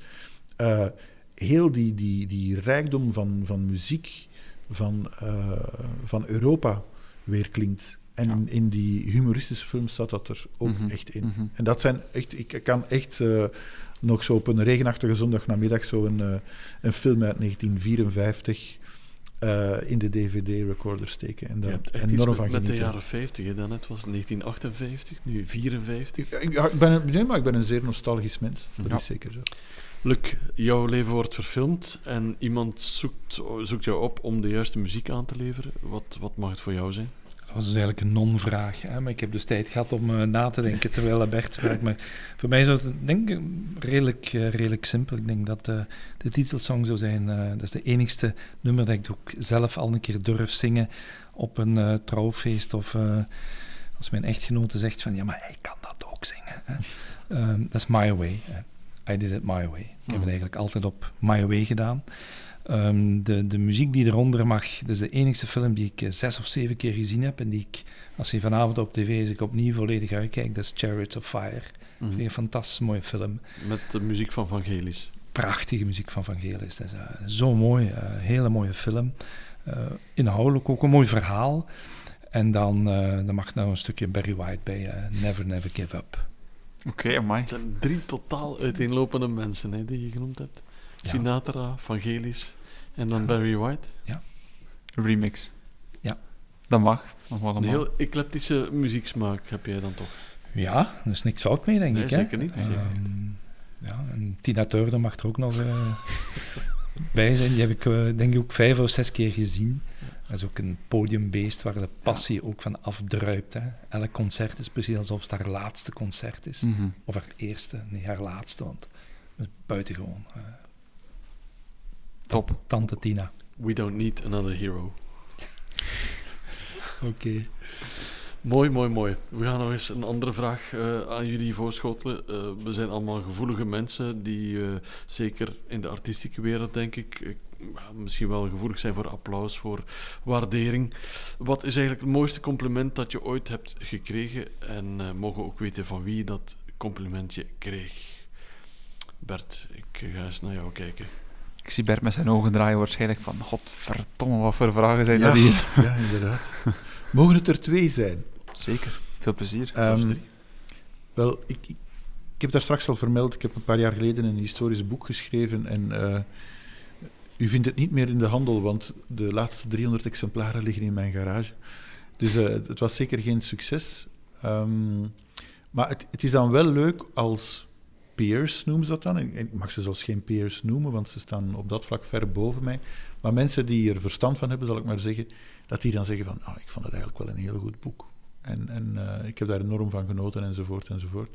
En dat, dat is dan toch een balsem op de ziel voor de geringe financiële inkomsten. Eh, nee, dat is dan toch wel heel leuk eh, als, als dat soort van... ah, ik heb het dan over mensen zoals Rick van Koulaert en, en Bruno de Wever. Eh, toch wel een van de betere historici, Mhm. eh, eh, Bruno de Wever van, van Vlaanderen. Als, als die dat tegen jou zeggen, ik heb jouw boek gelezen en ik, ik, eh, ik apprecieer dat enorm, dat, eh, dat, is, dat, streel, dat streelde enorm mijn ego. Maar wat eigenlijk niet mijn ego heeft gestreeld, maar wat mij ehm, enorm veel deugd gedaan heeft, dat is, ik heb ooit een eh, voorstelling gemaakt met drie personages. Het was niet echt een, een stand- stand-up voorstelling, want in het tweede deel, na de pauze, 50 minuten, kwam ik als Bert Kruismans niet meer aan bod. Het waren gewoon drie personages. Het was echt eh, gewoon Mhm. verteltheater. En ehm, ik speelde onder andere een man, die, eh, een, een oudere man, en die eindigt in een rolstoel in mijn verhaal, in een, in een verkeersongeval. Dat is eigenlijk de, de pointe van het verhaal, dat hij in, eh, in een rolstoel zit. En ik, ik weet nog zeer goed, ik speelde die voorstelling in het cultureel centrum van Eeklo. En de voorstelling is gedaan, ik kom van de scène. En er komt een, een, een man en een vrouw naar mij. Eh, die mevrouw zat in een rolstoel en werd geduwd door de man, omdat de lift om naar beneden te geraken daar backstage was. Dus ze konden niet via de gewone trappen naar beneden. En die kwamen naar mij en ik dacht van... Ik heb net dat Hun verhaal verteld. dat verhaal verteld. En ik dacht van... Komt hij nu zeggen dat ze kwaad is? Of zo? En die kwam naar mij en die, en die mevrouw zei... Meneer Kruismans, dank u voor deze zeer mooie voorstelling. En toen dacht ik van... Ja, oké, goed. Ik was, ik was tevreden, eh, omdat ik dacht van... Wat ik wou overbrengen met deze voorstelling is overgekomen. De, de vogelenpiek is in de roos. Ja. Wat niet altijd evident is. Nee. Want je, je danst soms op een slappe koord.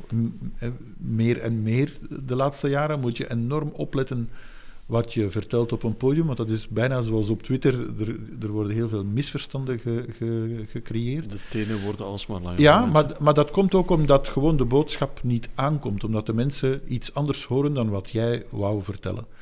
En ik dacht van, oké, het was een moeilijke boodschap die ik wou vertellen, maar ze is aangekomen. En dan dacht ik van, oké, dat, dat, daarvoor doen we het. Ik zie je knikken, uh, Lucas. Je herkent ook uh, met jouw ervaring op, op het podium. Absoluut, hè. absoluut. Als je um, je zoveelste lezing of je optreden gaat doen en het is eigenlijk een ja, infotainment, een storytelling van begin tot het einde. En je hebt je verhaal gedaan, je bent anderhalf uur bezig geweest. En ik herinner mij hier in de buurt, um, in de Vlaamse Ardennen, cultureel centrum, ik weet niet meer welk juist, waar ik hoorde, want zij hoorden niet, of zij merkten niet dat ik hun hoorde. Twee oudere dames die op de eerste rij zaten en die zo tegen elkaar, de een zei tegen de ander van, oh zeg, ik ben toch blij dat ik gekomen ben. Zo'n schone avond, dat had ik nooit gedacht. Het was zo interessant, hè. Als je dat dan hoort, Bert, we moeten niet flauw zijn. Of je dan nog 100 of 200 kilometer naar huis moet rijden, dan zijn je blij. Hè? Mhm. Eh, en dan de berichten op sociale media. Of er iemand die zegt, dokter, ik ken u, maar jij kent mij niet. Maar je hebt wel mijn leven gered. Ja, dan mogen nog zo moe zijn als iets. Dan, uh, dat, dat, dat is, dan krijg je wel een boost van energie. En gelukkig zijn er regelmatig van die momenten. Mhm. Is het omgekeerd ook waar? Want in een vorige podcast hoorde ik iemand zeggen als ik uh, vijf complimenten krijg en één negatieve, is het wel die negatieve die mijn gemoed uh, helemaal om, om ondersteboven gooit. We zijn altijd gevoelig aan kritiek. Hè? Als je ergens iets leest wat je niet graag leest, of er iets. Uh, ja, denk dat het des mensens is, hè, van, dat je dat aantrekt. Maar ik probeer toch die, die andere gevoelens te laten overheersen en te zeggen: oké, dat kunnen ze mij toch maar niet afnemen. Hè. Mm. Werkt het ook helemaal omgekeerd, eh, Bert? Ben je ook iemand die zelf makkelijk complimenten geeft aan iemand anders, of, uh, of, of, of, niet? Ik ben daar heel slecht in, denk ik. Ja. Ik ben daar echt heel slecht in. Op welke manier? Echt letterlijk het, het geven zelf? Of, uh... Dat ik het te weinig doe. Ja. Ja. Um, ja, ik ben de zoon van een leraar, maar ik weet niet of ik zelf zo'n goede leraar zou zijn. Want een goede leraar, dat weten we allemaal, welke leraars kennen we nog van vroeger. Dat zijn de mensen die je natuurlijk uh, positief stimuleerden. Zeker. Die zeiden van, je bent goed bezig, een goede weg. Daar, no daar nog een beetje aan werken. Hè? Mm -hmm. uh, maar je bent goed bezig. Dus ik, ik, ik, uh, ik denk dat ik... Ja, nee, ik ben ervan overtuigd dat ik dat te weinig doe. Ik moet dat eens aan mijn kinderen vragen. Die weten dat beter. Ja, twee zonen. Ja. Luc?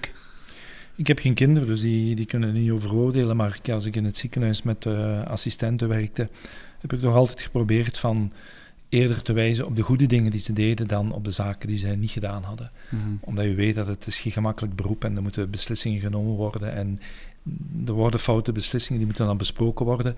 Maar als ze dan ook dingen goed gedaan hebben, dan mag dat ook gezegd worden. Ja. En dan is een schouderklopje, kan soms uh, na een ganse mm -hmm. nacht hard werken en iemand er letterlijk en figuurlijk doorgesleurd hebben. Als ze dan ergens iets vergeten waren, een kleinigheid, oké, okay, dat corrigeert je zelf, maar je zegt dan tegen die kerels van zich, dat hebben we toch knap gedaan. Hè. Je zegt toch, uh, en dan weet je dat hun dat ook goed doet. Hè. Ja. Dan krijgen ze meer mee in het verhaal, denk ik. Mm -hmm. Dan zou ik uh, vragen aan mijn positief motiverende leerkracht Nederlands uit het eerste middelbaar, Steven, dat je eventueel de laatste vraag kiest, want we zijn uiteindelijk bijna aangekomen aan het einde van de, deze aflevering, toch? Jazeker, uh, het is gevlogen en uh, dat uh, wijst meestal op een, op een goede podcast, denk ik. Maar we willen toch wel eindigen met deze vraag. Wie of wat heeft je leven voor een klein of een groot stuk veranderd? We leggen die vraag eerst voor aan Luc. Voor mij is dat niet zo moeilijk. Het zijn eigenlijk um, twee mensen die mijn leven vorm gegeven hebben enerzijds en veranderd hebben anderzijds. Um, ten eerste mijn vader. Hè. Uh, wij zijn thuis grootgebracht met drie grote principes. Eerst het werk en dan het spel. Wenen helpt niet. En iedere dag je tanden poetsen. Er zat al iets van preventie in. Hè. Eerst het werk en dan het spel. Hè. Je moest eerst zorgen dat je huiswerk klaar was. Dan mocht je gaan voetballen. Um, wenen helpt niet. Dus we kunnen over discussiëren of dat juist was. Maar het, jammer genoeg is mijn papa verongelukt uh, in 1993 in een vliegtuigaccident in uh, Kenia toen ik uh, 43 jaar was. En dat heeft mijn leven toch wel 5 mei 1993, dat is voor mij voor en na. Hè. Dat heeft Mhm. eh, Echt een kantelmoment eigenlijk in jouw leven. een heel groot kantelmoment. Mhm. Want dat was niet alleen mijn vader, dat was mijn beste vriend. Dat was mijn beste inspirator. Dat was, ja, dat was, dat was onze papa. Hè. Mhm. Als je die dan op die manier verliest.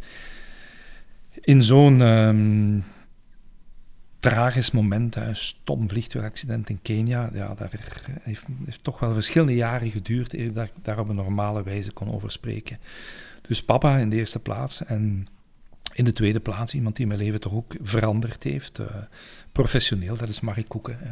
Mhm. Marie Koeken die ik eh, al wat langer kende, maar die me de mogelijkheid gegeven heeft om eh, de kliniek te verlaten, nu bijna vijf jaar geleden, en nu fulltime voor de VZW te werken. Dat is iemand die ons ook volgt op Twitter, eh, weet perfect wat we doen, ehm, stelt geen moeilijke vragen, is, ik weet dat hij veel eisend is, maar als je hard je best doet, dan wordt dat gewaardeerd. En is, hij zal ook de eerste zijn die ergens een like of een dit of een dat doet. En dat is iemand die mijn leven letterlijk en figuurlijk veranderd heeft. En daar ben ik hem eeuwig dankbaar voor. Ja, want zonder Mark Koeken was de hele VZ2... eh, Zonder Marie Koeken had ik waarschijnlijk in 2015 een, t- een tweetje gestuurd, want eh, op dat ogenblik was de balans professioneel-privé, die was niet bepaald in evenwicht. En een lange strandwandeling in eh, de vooravond dat ik terug naar eh, België kwam, zei mijn lieve echtgenote tegen mij, kijk, we hebben toch een probleem. Ehm, ik zeg, god, ja, vooravond van het verlof, een probleem. Ja, jij hebt drie passies. Hè? Uw eh, kliniek, uw stopdarmkanker en mij. Dat is Mhm. één te veel. Kies maar. Ja, dat is wel een moeilijke terugvlucht geweest. Hè? Maar dan heb ik op het juiste moment eh, met Marie Koeken een heel goed gesprek gehad. En heb ik dus de kliniek, de passiekliniek, achtergelaten. En heb ik nu twee grote passies. En dus de balans misschien al iets meer in evenwicht. Oké. Bert, is er eh, ook zoiets in jouw leven concreet dat eh, jouw bestaan voor een klein of groot stuk helemaal heeft om, omgetoverd? Er zijn een aantal mensen natuurlijk die, die, die jou kansen geven. eh. je weet natuurlijk niet, je kan nooit vergelijken met wat er niet geweest is. Hè. Ik bedoel, eh, Jan, Jan Schoukens, een, een radiomonument. Baas die- van Studio Brussel. De baas van Studio? Brussel, die nu nog altijd actief is. En die zich onder andere bezighoudt met het, het, het begeleiden van de journalisten van VTM. Ehm, ja, er, er komen 30, 40 mensen bij hem op auditie en hij pikt er eentje uit. En dat ben ik dan. Ik bedoel, dat is niet onbelangrijk natuurlijk. Hè. Dat is de, de, de eerste die mij op professioneel vlak een, eh, een kans heeft gegeven. Maar veel belangrijker dan dat nog, ja, is eigenlijk, is eigenlijk ook mijn vader. Mhm. Ehm, ik heb het al verteld, mijn vader kon... ehm, mijn vader wou eigenlijk heel graag naar het conservatorium. Ehm, mijn vader is een hele goede zanger. Eh, is ook wel een beetje zanger geweest. Mijn vader heeft, let op, drie weken in de top 30 gestaan. Ehm, en die heeft zijn kinderen... Hij, er was geen sprake van bij hem thuis dat dat mogelijk zou zijn. Conce- Je kon even goed zeggen van, je mag naar de planeet Mars op vakantie. Dat, voor, het milieu waar mijn vader uitkwam in de jaren 50, daar zijn we weer, ehm, was dat echt onmogelijk, ondenkbaar. Ehm, en dus heeft mijn vader zijn kinderen eigenlijk alle kansen gegeven op dat vlak. En is mijn vader, heeft hij als, naast zijn job als leerkracht een tweede job aangenomen in de muziekschool, omdat hij toch elke dag met, bijna met zijn kinderen daar naartoe moest, dus hij kon er even goed blijven en daar werken. Ehm, en, en hij heeft eh, toch, hij is zeer belangrijk geweest in, in, eh, in al de dingen die ik nu ook doe. Bedoel, het, het feit dat ik, dat wij, wij mochten alles doen op de muziek, alles doen, hè. dictie, voordracht, toneel, notenleren, zang, alle instrumenten, noem maar op. Ik bedoel, wij, wij waren een halve fischenbak, onze familie van die, van die muziekschool daar. En ehm, ook als het, als het ging over, eh, de, om, om wat een zeer karig budget thuis, maar toch proberen van boeken te kopen, van platen te kopen, met dat weinige geld dat we hadden. Hij heeft dat enorm gestimuleerd. Die culturele opvoeding heeft hij enorm gestimuleerd. Ehm, en, ja, dat heb ik voor een groot gedeelte aan hem te danken. En dan, omdat Luc er ook over sprak, het is natuurlijk zo, hè, ik bedoel, ehm, eh, ik heb een zeer onregelmatig leven. Ik doe heel veel verschillende dingen. Het, het, springt, het gaat alle kanten uit. Eh, je zit 30 jaar lang met financiële onzekerheid. Ehm, zeker als er een pandemie voorbij komt. En dan moet je wel een thuisfront hebben dat daarmee overweg kan. Mhm.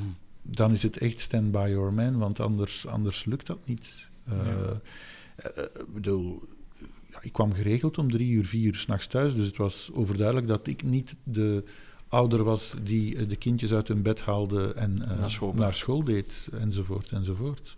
En dat bij het oudercontact meestal de papa ontbrak.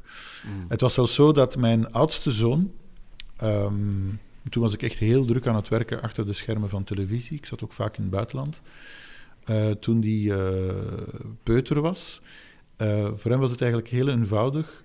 De ouder die thuis was, dat was mama. En de ouder die weg was, dat was papa. Dus die zeldzame keren dat ik met mijn zoontje alleen thuis was en mijn vrouw er niet was, dan noemde hij mij mama. Want in zijn wereld was degene die er was, was mama en degene die weg was, was papa. Dus dat zegt genoeg over hoeveel ik thuis was. En dan moet je echt wel een partner hebben die, die daarmee overweg kan, ja. die dat steunt. Ik vond het een heel sterk einde van de podcast, Pieter-Jan. Ik vond dat heel ook. Dank u wel alszins voor de persoonlijke inzichten. Daar zijn we altijd uh, veel mee, denk ik. Hè? Ja, ik vond jullie heel open, zeker naar het einde van de podcast toe. Sterk. Wel, jullie hadden gezegd dat we misschien uh, twee tegenpolen of heel weinig gemeen hadden. Maar ik denk mm -hmm. dat gebleken is dat we heel veel gemeen hebben. Hè? En Zeker. Misschien is er nog een, uh, een nieuw project op, uh, op stapel dat we een keer samen optreden. Hè? en de grote boodschap brengen. Hè? Wie weet, wie weet. Zou je zitten, Bert? Never say never. Hè. Ik, bedoel, ja. ik heb al de meest gekke dingen gedaan in mijn leven. Ik heb, ik heb vorig jaar een, een, een theatervoorstelling gemaakt voor, eigenlijk voor kankerpatiënten en hun familie. Um, uh, we hebben die gemaakt in het Frans en in het Nederlands. We hebben die maar één keer gespeeld. Uh, we hebben dat gespeeld in, in Flagey in Brussel op de, de Werelddag te, tegen kanker. Het was, was ook zeer boeiend de reacties van het publiek te zien. Namelijk uh, de mensen die zelf kankerpatiënt waren of geweest waren, of die daar heel dichtbij stonden, die gingen volledig mee in het verhaal. En de mensen die er wat verder af stonden, die, die, uh, die voelden zich zeer onwennig. Maar de mensen die, uh, uh, ja, die, die zelf met de ziekte te maken hadden, die apprecieerden ook enorm dat ik, dat ik zelf over mijn avonturen, mijn, mijn belevenissen als kankerpatiënt vertelde. want dat is soms vreemd. Hè? Ik bedoel, ik moest nog even op doorgaan. Ik moest voor de eerste maal bij, bij de dermatoloog. Hè. En uh, omdat huidkanker bij ons een familietrekje is, uh, er zijn er ontzettend veel. We hebben eigenlijk een, een, een klantenkaart bij de dermatoloog. Wij gaan soms gewoon met acht tegelijk, dat is gemakkelijker. Uh, krijgen jullie korting? Dan krijgen we korting. Ja, nee, dat is veel gemakkelijker. Ik bedoel, er zijn er zoveel die er last van hebben bij ons. Ik zeg altijd, wij hebben, we hebben twee karaktertrekjes. We hebben slecht karakter en slecht vel, slechte huid. Maar een goed hart en goede longen, gelukkig. Tijd om die uh, voorstelling terug uh, nieuw leven ja, te blazen. Maar ik ging letterlijk met mijn vader naar de, naar de dermatoloog. Dus je zit daar in de wachtzaal. En uh, er wordt dan, ja, meneer, het is aan u. En dan ben je 43, 44 jaar en dan gaat de papa van 73 jaar mee naar de dokter. En zitten die mensen naar mij te kijken. Ik heb dan nog een bekend gezicht. Zitten die mensen naar mij te kijken. Die snul kan niet eens alleen naar de dokter gaan. Dus dat soort van verhalen vertelde ik in die voorstelling. Mm-hmm. En uh, dat werd enorm geapprecieerd. En ja. dan klinkt ook weer die bevrijdende lach, hoewel je het over een zeer uh, zwaar beladen thema hebt. Mooi zoals ik zei, blaas die voorstelling nieuw leven in, Bert. en uh, we komen zeker eens kijken. Bedankt alleszins, heren, voor jullie openheid in dit uh, uur en een half ondertussen al. Uh, appreciëren we altijd ten zeerste als jullie zichzelf volledig openstellen en gewoon laten gaan. Ja. Ik heb het al gezegd, meestal is het een los gesprek onder, uh, onder vrienden, dus wie weet in niet-coronatijden dat we allemaal eens een pint gaan drinken op ons gemak. En een voorstelling voorbereiden misschien voor jullie dan. De grote boodschap, doe de test. Voilà, voilà. De one-liner die blijft hangen natuurlijk. Tuurlijk. Bert en Luc, dankjewel. En ook Pieter-Jan natuurlijk uh, graag tot de volgende keer in Zeker. Tweespraak. Dank u wel Steven, dank u wel uh, Luc en Bert. Tot de volgende.